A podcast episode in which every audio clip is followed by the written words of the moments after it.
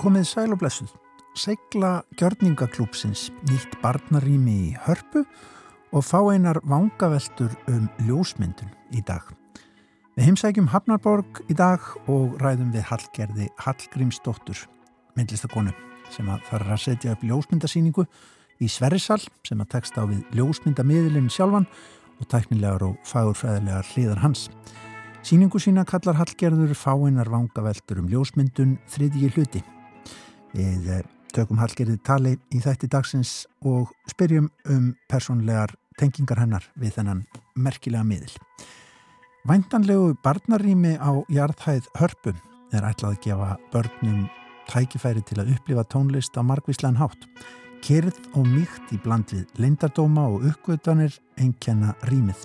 Skinnjun manns eirans á hljóðum og tónar náttúrunar er meðal þess sem gestir fá kynnast í þessu notalega rými. Hönnunarteimi Þykjó stendur á verkefninu og leiði við sjá að taka stöðuna á ferlinu. Eitt starfsmannahörpu, Merl Korka Ólafstóttir og Sigriður Sunna Reynistóttir úr Þykjó teiminu verða fyrir svörum í þætti dagsins.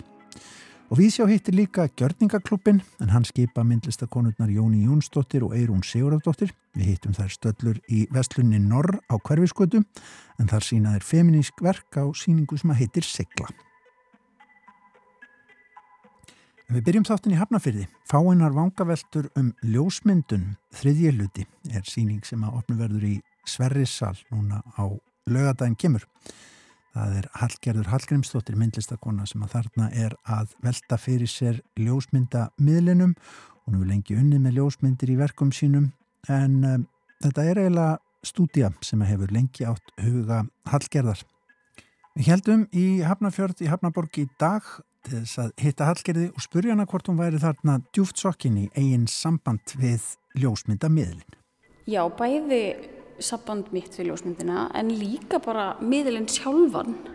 Þetta er svona analýsa á ljósmyndamiðlinum og ég held að við séum bara mjög mikið ennþá að reyna að skilja hvernig ljósmyndunum virkar og hvaða er sem hún gerir og séðan er líka alltaf að breytast hvernig við nótum hana og ég er mjög hugfangin af öllu þessu. Sumi myndum kannski halda í okkar mynd sjúka satúreraða heimi að þá, þá vissum við alveg hvað við erum að gera með ljósmyndina. Já, ég held að við vitum það ekki alveg sem er samt hlut af því sem gerir hann svo spennandi og heimsbyggingar eru ennþá að skrifa greinar um veist, hvernig við skiljum ljósmyndir, hvernig við lesum í þær og af þetta er svolítið svona pínu töfrar sem gerast en svo á þetta sér alltaf einhverja fótfæstu líka í raunveruleikanum. Og ég held að það sé það sem við einhvern veginn eigum svo erfitt með að bara taka inn að geta átt sér stað á sama tíma. Þetta er alveg löng saga, þú ert búin að vera að velta þessu fyrir þér alveg lengi. Já, þessi síning heitir sem sagt Fáeinar vangaveltur um ljósmyndun þriðji hluti. Og hlut, fyrsta hlutan síndi ég í Glasgow 2010 og þá var ég bíanámið þar í ljósmyndun og byrjaði þá einmitt kannski að velta fyrir mér sko að því maður var alltaf að lesa fræðibækur eða heimsbyggi um ljósmyndun og svo var maður að læra tæknina líka og þú veist, farinni virkri herbyggi eða að læra Photoshop og allt þetta og mér fannst ofta vera svo mikil gjáðan á milli og mér langaði svolítið að sjá hvað gerðist ef maður reynir að færa þessa svona, hvað er það að segja póla nær hverjum öðrum mm -hmm. Og hvað gerist ef það výbrar aðeins meira saman? Og hérna og síðan bara útskrifaðist ég og svo gerði ég alls konar listaverk með ólíkum nálgunum og en yfirleitt með ljósmyndatækninni samt. Mm -hmm. og sapnaði svolítið svona hugmyndum í bankan og svo þegar ég fór út til Gautaborgar í mastersnám þar þá svona tók ég upp þráðinn. Og útskriftarverki mitt uh, 2019 var sagt, annar hluti mm. og ég síndi það svo í gerðarsafni 2020 á síðustu ljósmyndaháttíð fyrir tveimur árum og nú er afturkomin ljósmyndaháttíð og ég er búin að vinna sagt, ný verk alveg fyrir þessa síningu mm. og þetta er þriðir hlutin. Sko er þetta halv, hvað maður segja, vísindarlega nálgun á ljósmyndina, ég sé hérna mer merkingarnar til dæmis á, á veggjunum. Það eru er svona eins og úr gamaldis fræðibók stendur F-I-G, fig, fig, figure, eða ekki? Já. Jú, figure og svo númer. Já. Já, svolítið svona eins og maður íbyndi sér að þetta séu svona illustrasjónir eða hvað kallar maður að plötur kannski Já. úr svona ljósmynda kennslubók kannski. Fínu gammaldags svona? Já, þetta er algjörlega, þetta er svolítið te mikið tekið úr bók sem heitir Fotografísk handbók eftir Helmer Beckström sem er frá 1942 Já. Og er held ég tæplega 1200 síður. Og hann fer alveg í grunnfræðin, hann er náttúrulega ekki, þú veist, í digitalinu, Nei. hann hefði þurft að bæta örgulega 1200 síðum fyrir það, en hann fer svona alveg í öll atriði sem honum held í dettur í hug bara. Og þar er allt mert svona fake og númer, þannig ég teki þetta svolítið þaðan, því þetta eru svolítið eins og svona æfingar í ljósmyndun eða eins og segir, svona rannsóknir eða tilraunir, þannig að í ferlinu þá er kannski svona tilrunumennska og svona aðtuganir en síðan myndi ég samt segja að verkin séu svona frekar fullmótuð samt mhm. hérna í rýminu. En þetta virkar alltaf eins og svona, hvað maður segja, stúdjur eða kannanir á ákveðnum elementum í, í hérna ljósmyndinni. Ég menna, getur þetta ekki dæmi til dæmis um það? Já, algjörlega. Ég til dæmis, ég veit ekki, ég kannski bara misti af deginum þegar litafræðin var kent en ég er búin að vera með hana svolítið á heilanum núna og það er eiginlega þessi tvö verk sem að tala saman hérna. Ja. Þetta er skúldur úr silki og silki er litað í fjórum litum og eitt er í sæjan sem er svona blágræn og eitt er magenta sem er svona einhver fjólubleikur og svo er gulur og svartur og þetta er í rauninni, þú veist, prentlítinni, smík kallast þetta. Og þetta er það sem er kallað sko frádrækt líta, lita líkan. Frádrækt? Já, þetta er mjög þjált á íslenskunni. En í rauninni þýðir þetta það að við byrjum með kvítan og þetta er kannski bara eins og maður er vannur sem barn að hugsa. Að þú ert með kvít blað og svo bætir þú lit og ef þú blanda saman ákveðnum litum verða til nýjir litir. Og þetta þekkjum við öll. Og ef maður setur allt saman að þá er það í rauninni deksti flöturinn. Svartur eða kannski brútnemmar heima á sér að mála. Mm. og síðan er hitt sem er RGB sem er rauninni frádrækt litalíkan. Og það er það sem við kannski sjáum rosa mikið í dag á öllum skjáum og já, í öllum þannig og það er rauninni kannski víðara spektrum heldur en prentið og það sem við gerum þegar við prentum út úr tölfunni er að við erum alltaf ekkert einn að þýða þetta RGB sem er rauður, græn og blár yfir í smíkið mm -hmm. en þar í rauninni byrja maður með svartan ja.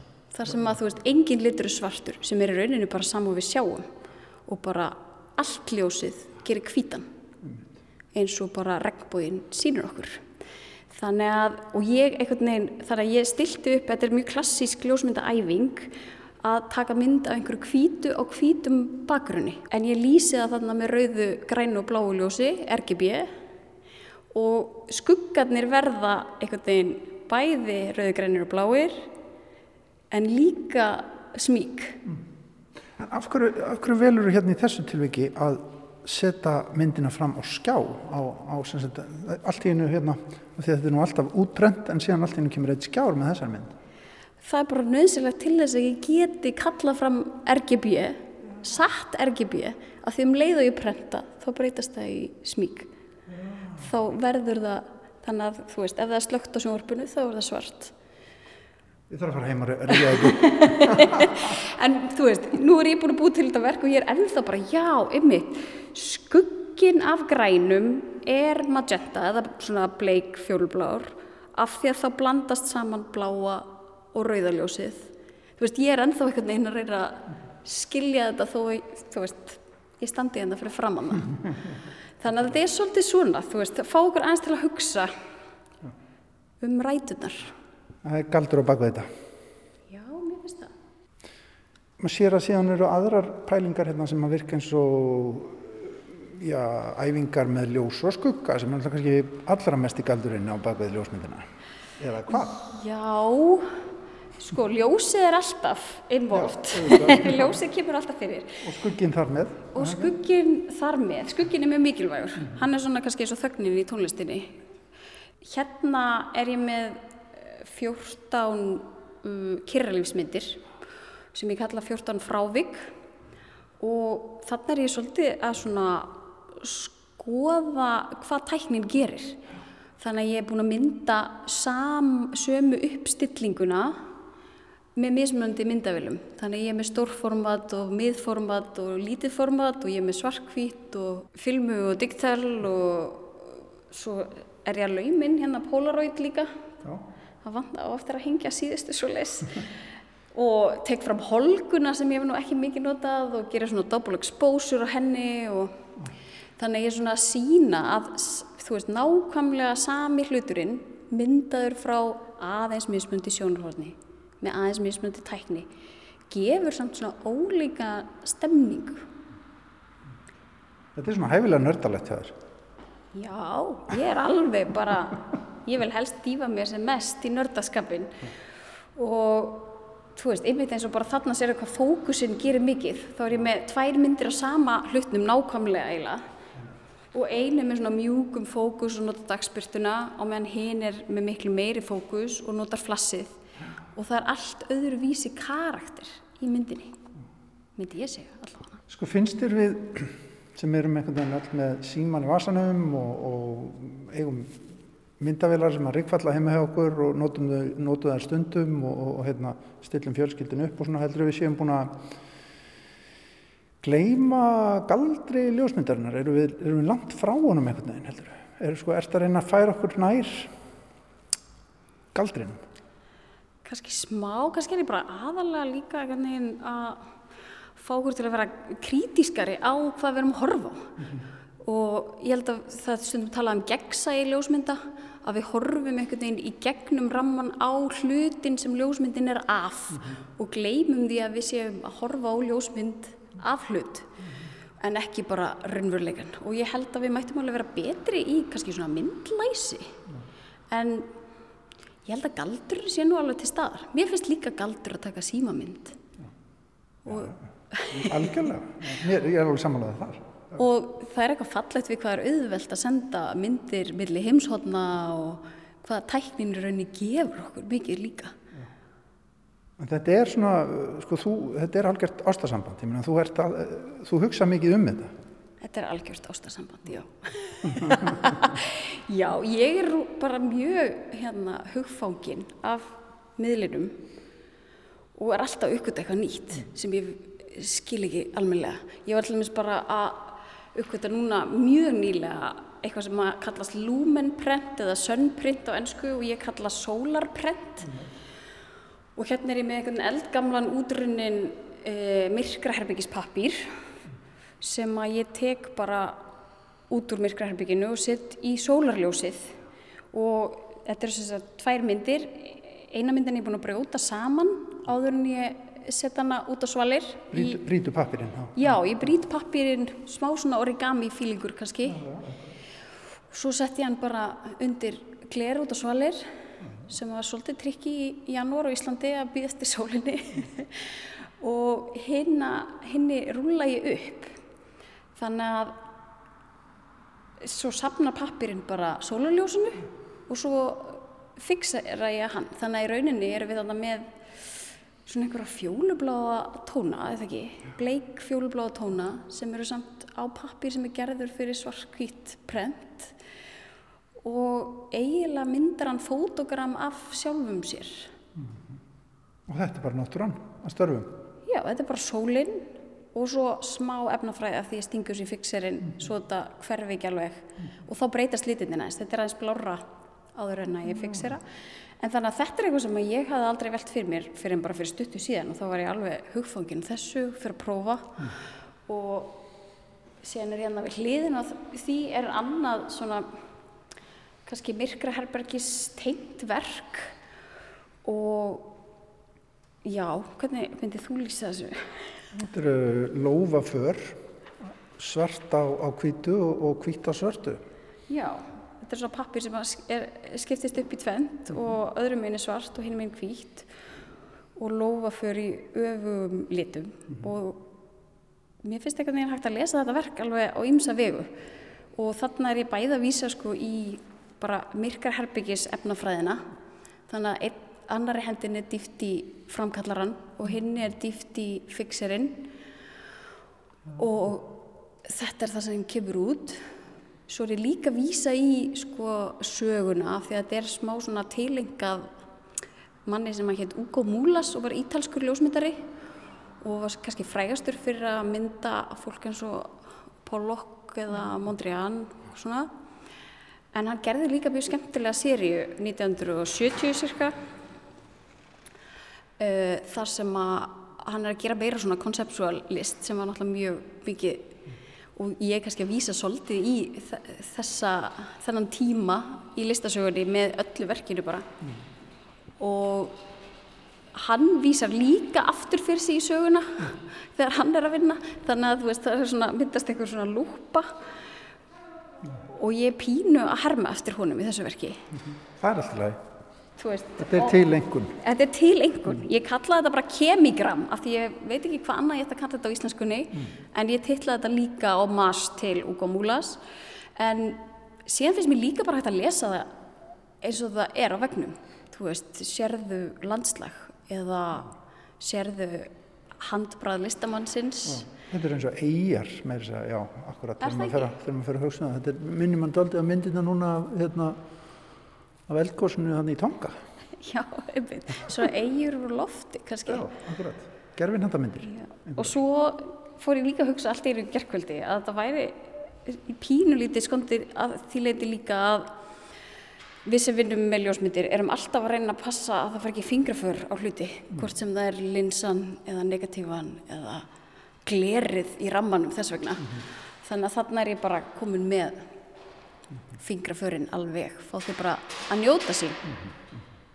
En sérðu fyrir þér að það haldi áfram þessi hérna, þessi hvað maður segja, svona, já, þetta tilfinningarlega samband þitt við ljósmyndin á sögu hennar og þessi svona, já, könnun á henni. Ég menna, ætlar að kemur síning 3, nei, 4, 5, 6, 7, 8, 9, 10.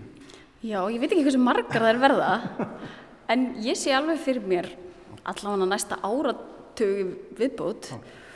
og að ég svona sapni smá saman í sarpin og endanum já, verði til svolítið gott sapn af hugleðingum, ja. mángaveldum mm. um ljósmyndun. Þú hugsaður þetta aldrei eins og eitt samhangandi verk þó að það hafi verið eh, erlendis og sé núna komið til Íslands? Já, algjörlega. Þessir þrýr hlutar eru hlutar af samaverkinu mm. og þeir getur alveg verið saman í sall. Það er endalusir fletir. Þetta er hérna áhægvert að koma hinga og, og velta þess aðeins fyrir sér. Takk fyrir að taka á móti mér hérna í Hafnarborg í Sverri sall. Þetta er að opna núna um helgina, eða ekki? Jú, það opnar bara núna á lögadaginn og það er bara svona það sem við kallum mjúka opnun. Þannig að það er bara opið þegar safnið er opið, millir 12 og 5. Já. Og svo ætti ég náttúrulega auðvitað að segja frá því að ég líka með verkið listasamni í Íslands sem er að opna um helgina. Það er stór sapningnarsýning af ljósmyndum og sapning sem er líka hluti af ljósmyndaháttíðinni. Mm.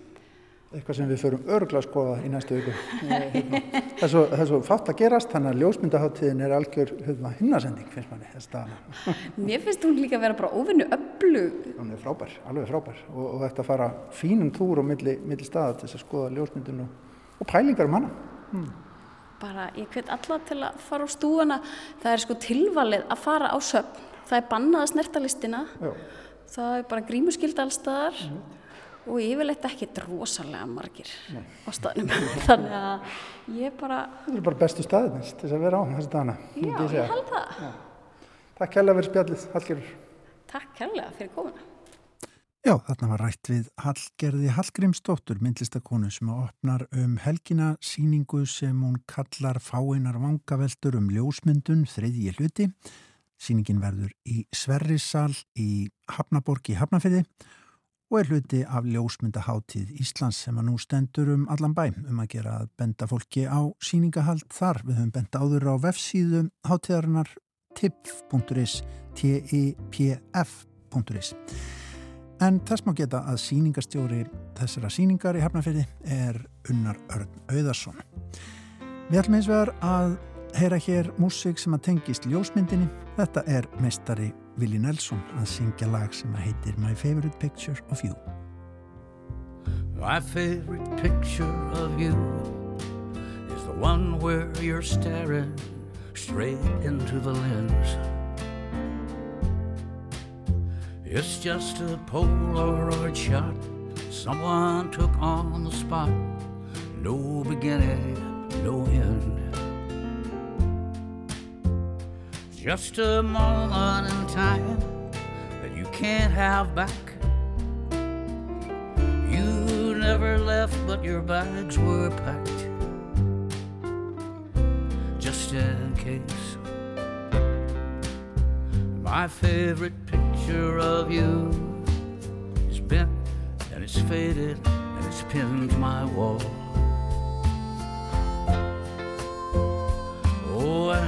Were so angry that it's hard to believe that we were lovers at all.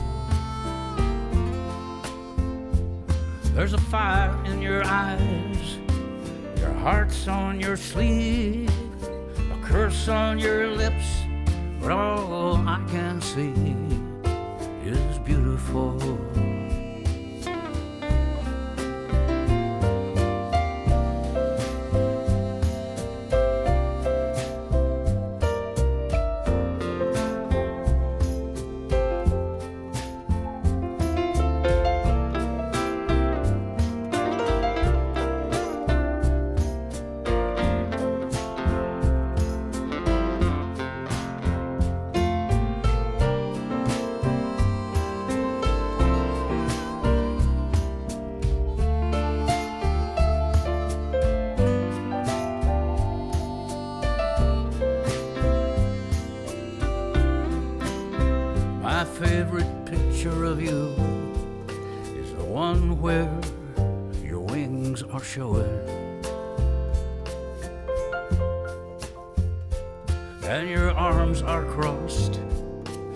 Fists are clenched, not gone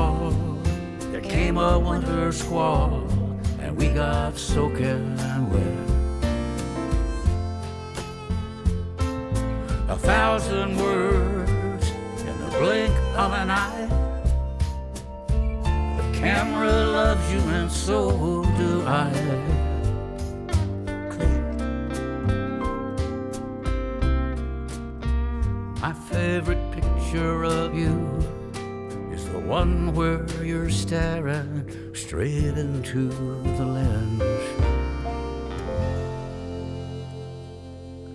Willi Nelson með lagið My Favorite Picture of You. En þá ætlum að halda í fylg Þorgerðar Ásu Aðalsteinsdóttur niður í Hörpu til þess að skoða þar nýtt barnarími sem er í undirbúningi.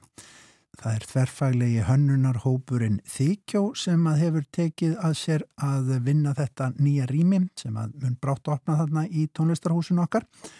Þykjó skipa Ninna Þóranistóttir, Erla Ólafstóttir og Sigurbjörg Stefánsdóttir auk Sigriðar Sunnu Reynistóttur sem að tóka móti Þorgeri Ásu fyrir í dag en það gerði líka Melkorka Ólafstóttir, einn starfsmann að hörpu.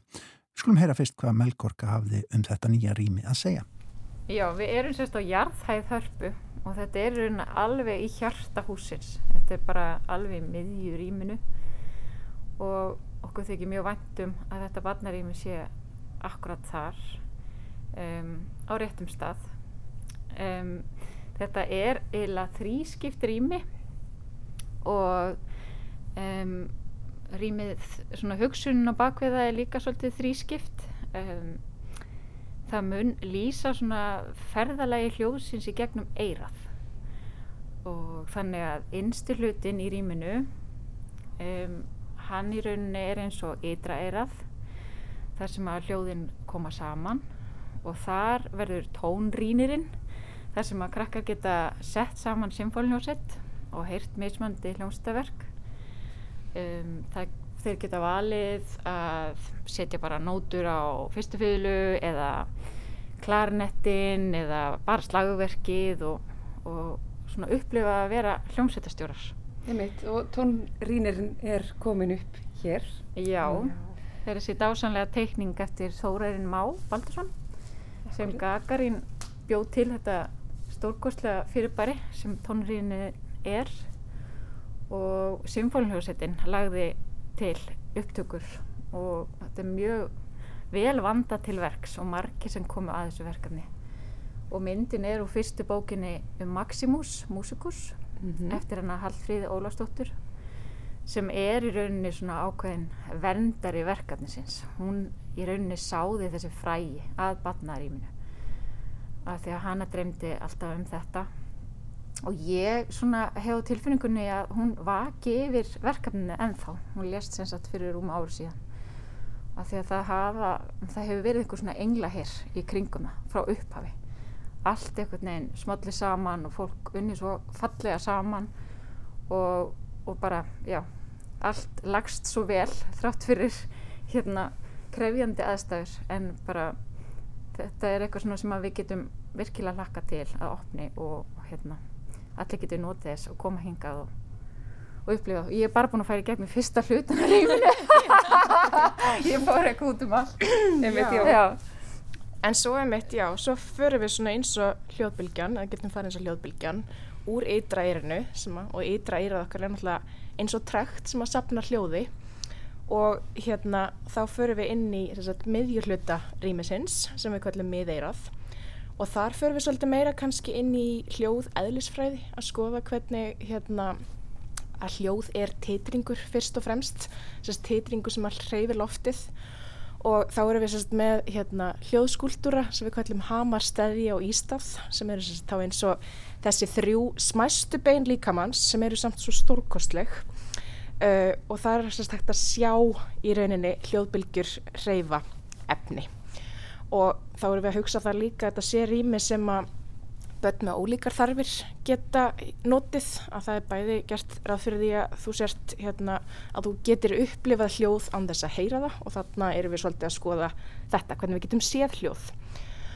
Og svo er hægt að skrýða inn í það sem við kallum hljóðhimna sem er svolítið eins og skíabólstrar og það er náttúrulega hérna hamarstæði og ístað senda af stað þessa mögnu dominókuppa keðju uh, yfir á hljóðhimna sem að výbrar síðan af hljóði.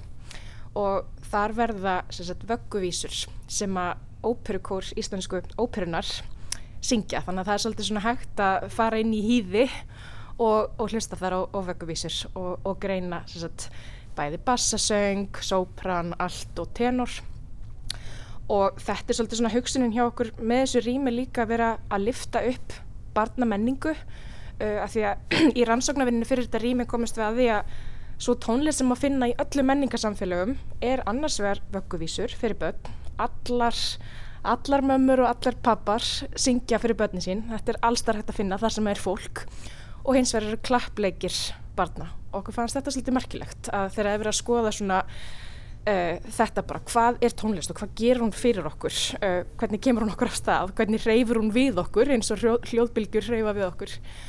Um, já, þannig að það er svona það sem að gerist hérna í þessu miðeira og við erum, sérst, vorum ekki í samstæðu við vísindasmiðuna. Melkorka sérst, setur saman þetta ótrúlega spennandi þverfæglega teimi sem við fengum heiðurinn að því að sérst, leiða hannunaferlið við í hannunateiminu þykjó um, en fengum hérna þessa stórkoslu samstæðsæðila og allt sem er hérna í miðeiranu er mjög mikið afspringið þessu samtals við vísindasmiðuna.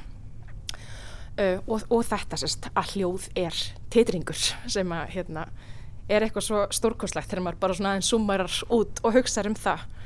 Uh, og hérna í rýminu verður líka sagt, uh, hljóðfæra lína sem við erum búin að vera þróa í hannunum teiminu þykjó sem heitir dýratónar og þá erum við svolítið að fara inn í hérna að opna tónir að fyrir tónlistinni sem er allt í kringum okkur í dýraríkinu og bara í náttúrunni. Uh, af því að sérst, í rannsóknarvinninu fyrir þetta verkefni fannst okkur svo magnað uh, hvernig var sérst, talað um að þegar maður hugsaður um það hvernig tónlist kemur svona smátt og smátt með þróun dýra í rauninni á jörðinni uh, að það má segja að laglínan komi fyrst með fugglónum sem eru náttúrulega bara svo magnaður maður hugsaður um það, fugglar eru í rauninni bara hérna, næstu dýrin sem koma eftir risaðlum, þeir eru svo gamlir. Og það eru sem sagt fyrstu dýrin sem eru með rattbönd og svona talað um að, að þannig komi laglínan syngjandi inn í dýraríkið.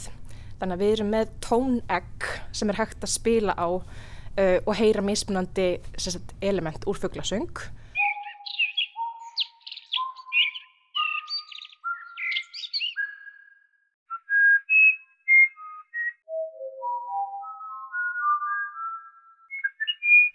Svo erum við með taktbjöllur sem eru þá, sérst, það talaði um á sama hátt að, hérna, skortir og bjöllur sérstaklega séu fyrstu dýrin sem fara að gera hljóð í takt, sérst, ritmíska músík í rauninni.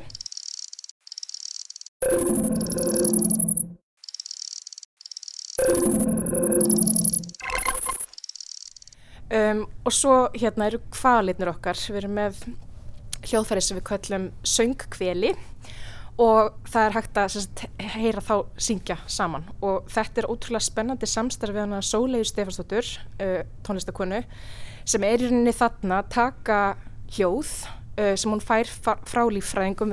Til dæmis í samstarfið Eddu Elisabethu Magnúsdóttur kvalafræðing sem hefur stútir að uh, söng uh, Núðubaksins Þú heyrir það sko, við erum bara komin í miðrýmið.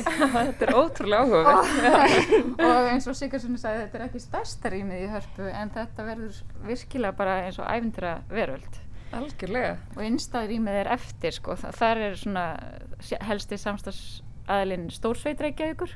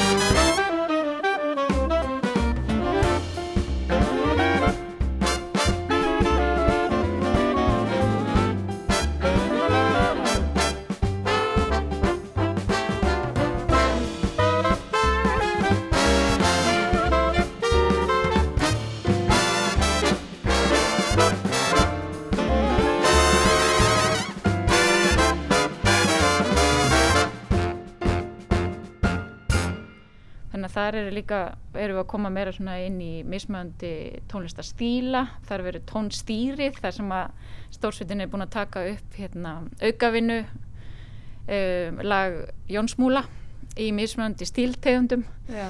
þannig að krakkar geta stýrt inn á New Orleans stílinn eða eitthvað annan stíl sem að, að stórsvitin er búin að Latínsviplu eða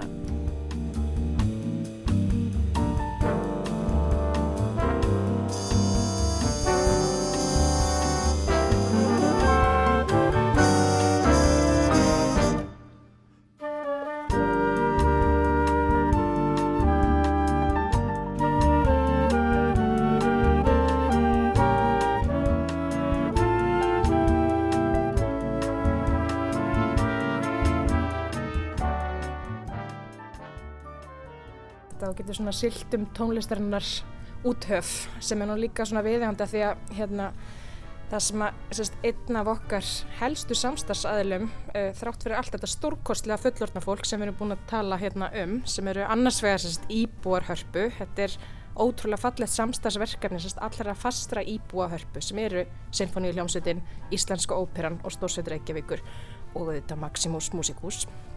Um, en svo eru líka lögðum við mikla áhersla og, og hérna, mikil skilningu fyrir því hér hjá stjórnhörpu að fá börnin að borðinu snemma af því að það er bara ótrúlega mikilvægt fyrir okkur sem erum að starfa fyrir börn að taka, að hlusta á þeirra rattir og þeirra sjónamið sérstaklega þegar að vera að búa eitthvað til fyrir þau.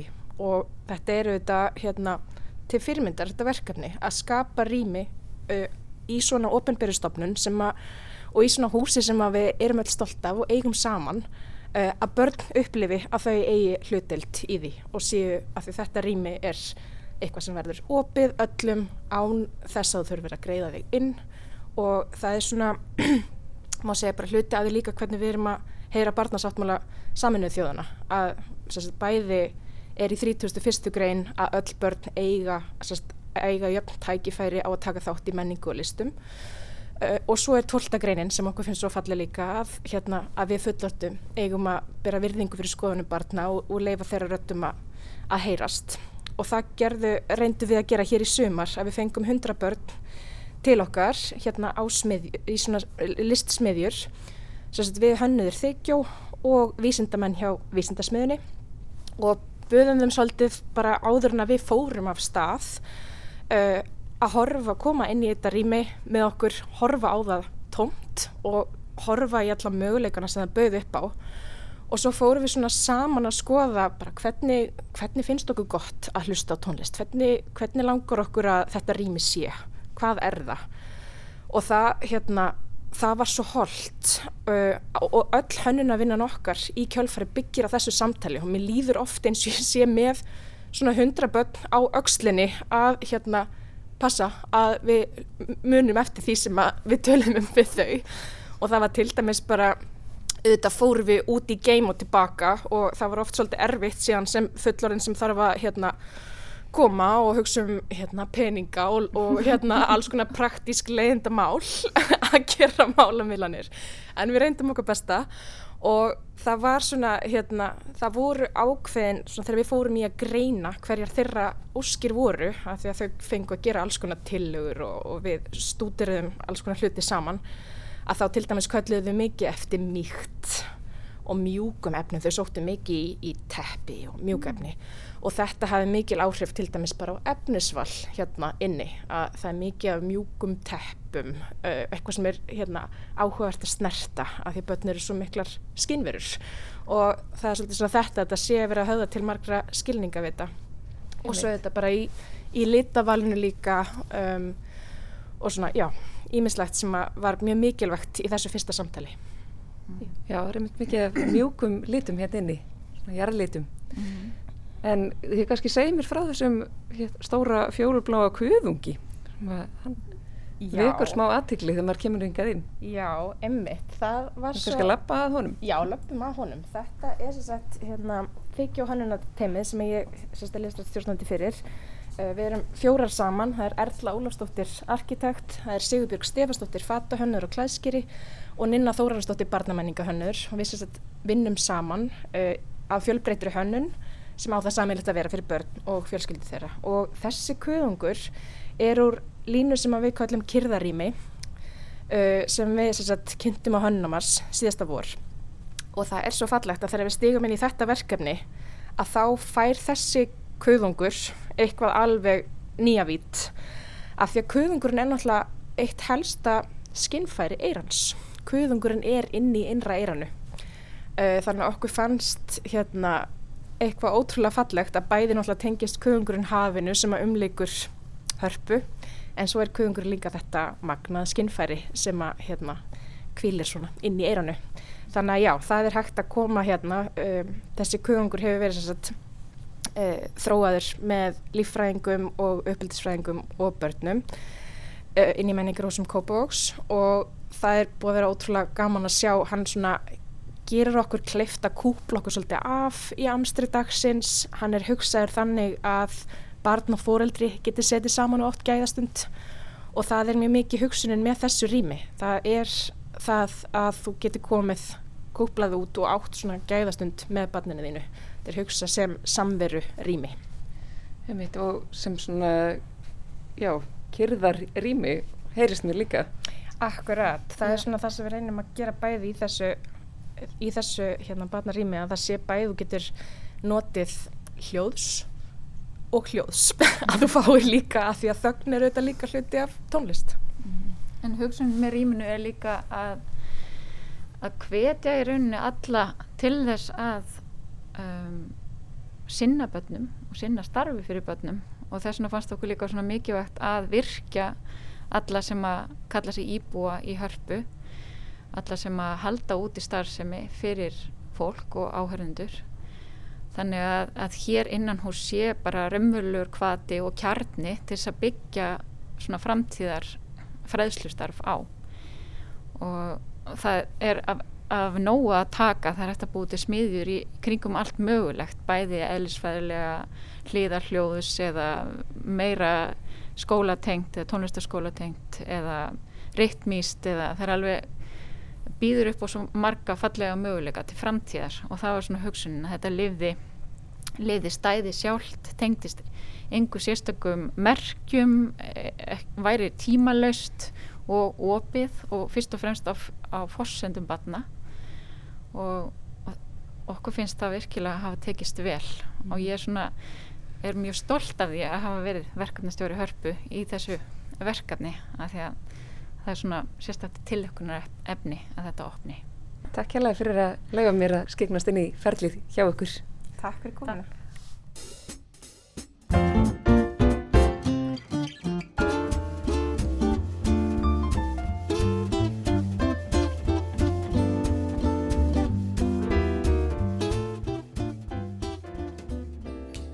Já, heimtum við ekki öll smá auka vinnu. Þannig heyrðum við Þorgerði Ásu aðarstensdóttur fara neyri hörpu að skoða nýtt barnarými sem brátt verður opnað þar. Rætti við Sigriði Sunnu Reynistóttur sem er ein úr þykjá hönnunarteiminu og Melkork Ólafsdóttur starfsmannhúsins. En aðeins ofar í bænum upp á hverfiskötu í vestlunni Norr sem er í húsi beintamóti þjóðleikhúsi landsmanna hefur Gjörningaklúpurinn komið sér fyrir þær Jóni Jónsdóttir og Eirún Siguradóttir. Þær hafa þar sett upp síningu sem að þeir kalla Seglu. Við höldum til fundar við Gjörningaklúpin. Stúlkur Segla. Já. Það er hérna, það er segt í þessu okkur. Já, við erum náttúrulega segar kellingar. Nei, þetta það byrja að byrja Nei, við látum þetta standa.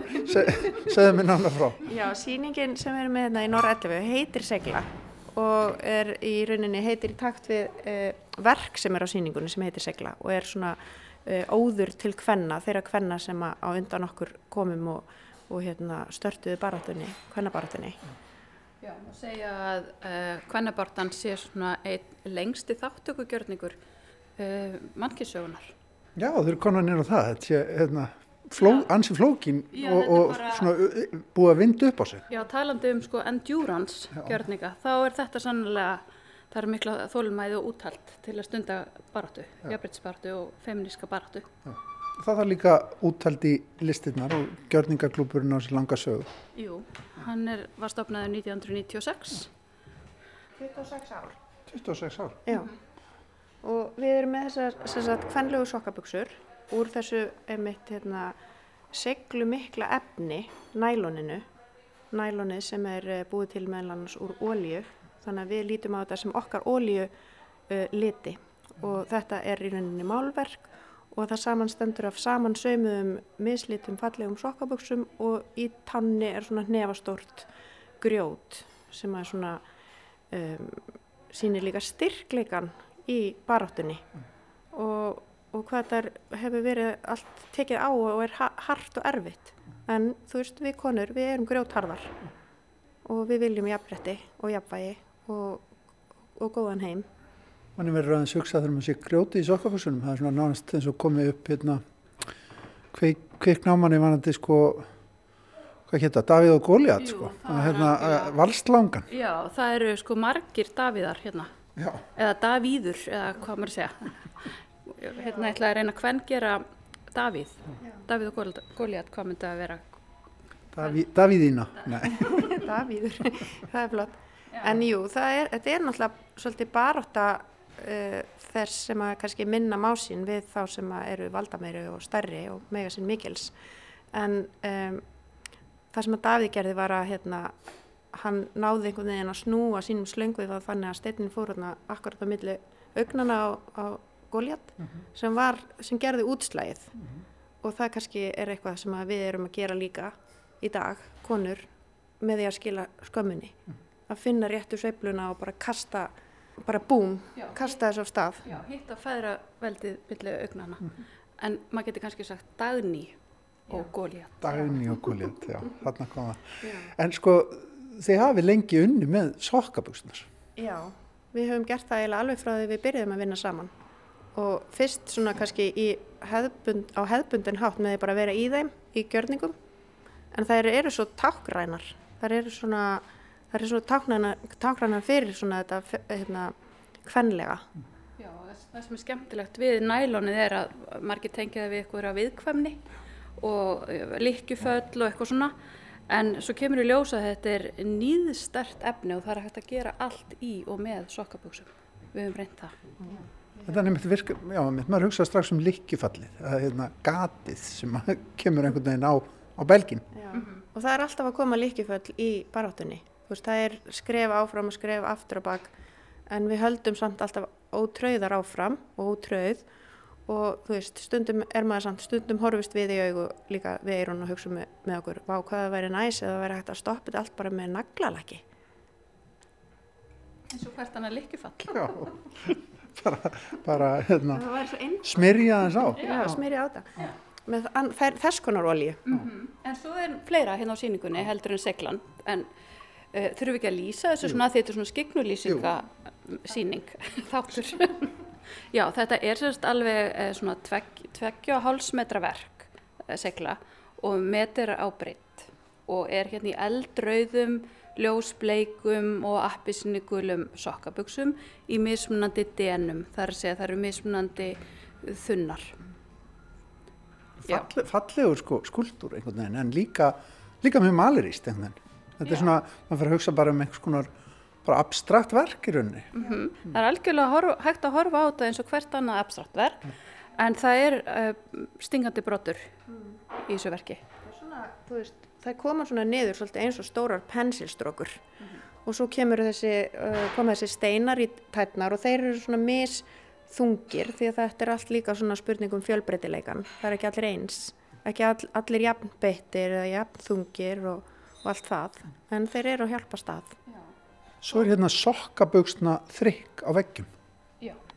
Þá höfum við tekið okkur til og bleitt uh, nælonsokkaböksur þunnar í prentsvertu og svo með ákveðni aðferð þá getum við síðan nota þær til þess að þrykja beinleins. Þá látum við þær uh, leggjast eins og hverja aðra málingu bara ón á pappir og rennum svo í gegnum grafíkpressu. Bara með, með sokkabuxnar lausar á þá Já, þannig að það er ekki hægt að endur taka verkið, þetta er svona svolítið gjörningaprent, þannig séð, það er aldrei eins og svona lifandi uh, þrykk, ef svo má segja. Eftir stendur form sem að er svona, maður líka sér nú oft svona hvern líka má út úr þessu. veginn. Já, þetta er, líka, já, fyrir ekki að Jón, ég grip fram fyrir þið, en sko líka eins og til dæmis verkið hérna hægra megin, get, þetta er bara svona ekta, þú veist, þegar manneski er búin að skuttla sér úr sokkabuksunum sent um kvöld og he- henda þeim á gólfið, það er kunnulegt form á, á Þetta Sörnabergisgólfum. liggur hérna. Og þannig erum við líka aðeins að prófa okkur áfram með svona mismunandi áferð því við erum líka með í þessu þrykki þá erum við líka með netasokkabuxur og sokkabuxur með doppum. Þannig að svona myndast líka svona mismunandi svona stemningar í uh, áferð og útliti. En þær eru einmitt sko það er svolítið mikið svona dans í þeim sem er kannski kemur líka þegar þú ert að vinna með svona fóta, fótaburð Fótabúnað, já. fótabúnað, já. Og, og svona gleði og, og svo líka svona inn á milli kannski smá háski.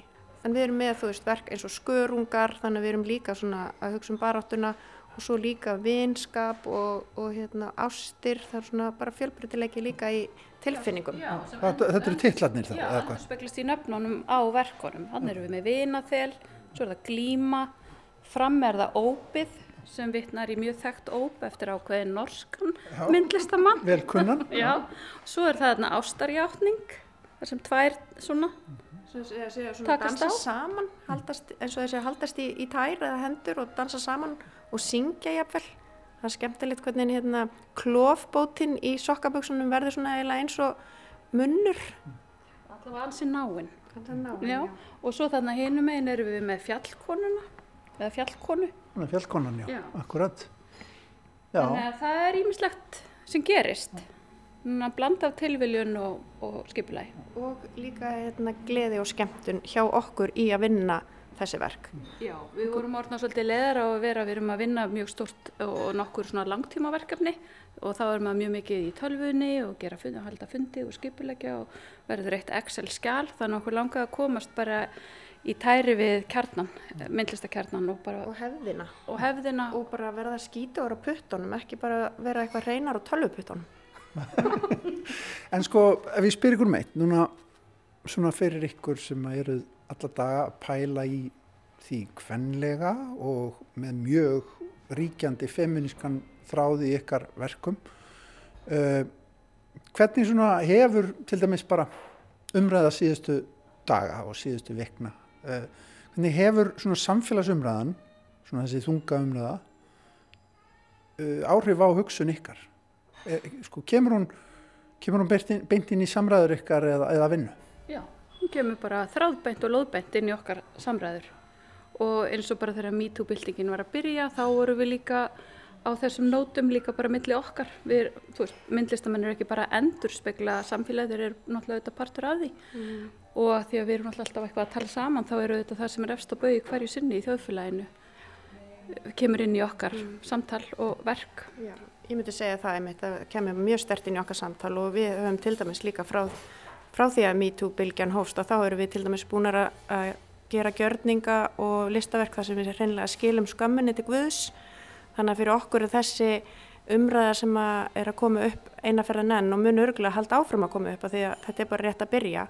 Hún fer bara algjörlega, við erum bara mjög ánæður með það að það sé að vera að gera skurk. Og hún nærir ykkur. Já, hún er bara partur af samtalinu. Þú veist, við vorum alveg lengur búin að gera á, þessi verk voru til áður en þetta nýjasta MeToo atriði, þú veist, kom núna fram. Ég meina, já, Já, eins og við höfum kannski líka bara frá því að við byrjuðum að vinna saman alltaf hefur samfélagsumræðan og, og, og þessi mál kveikt í okkur sem er listamenn. Þannig að það eru þetta bara heldur bara áfram og, og bara það má segja að þetta endur speglist hérna í verkinu seglu að því er sérst að tekur hver brókin við á annari, að tekur hver kynslu við á annari að, að hóla steinin. Hefði ekki látið það vera að lúka orðin. Takk hella fyrir spjallið.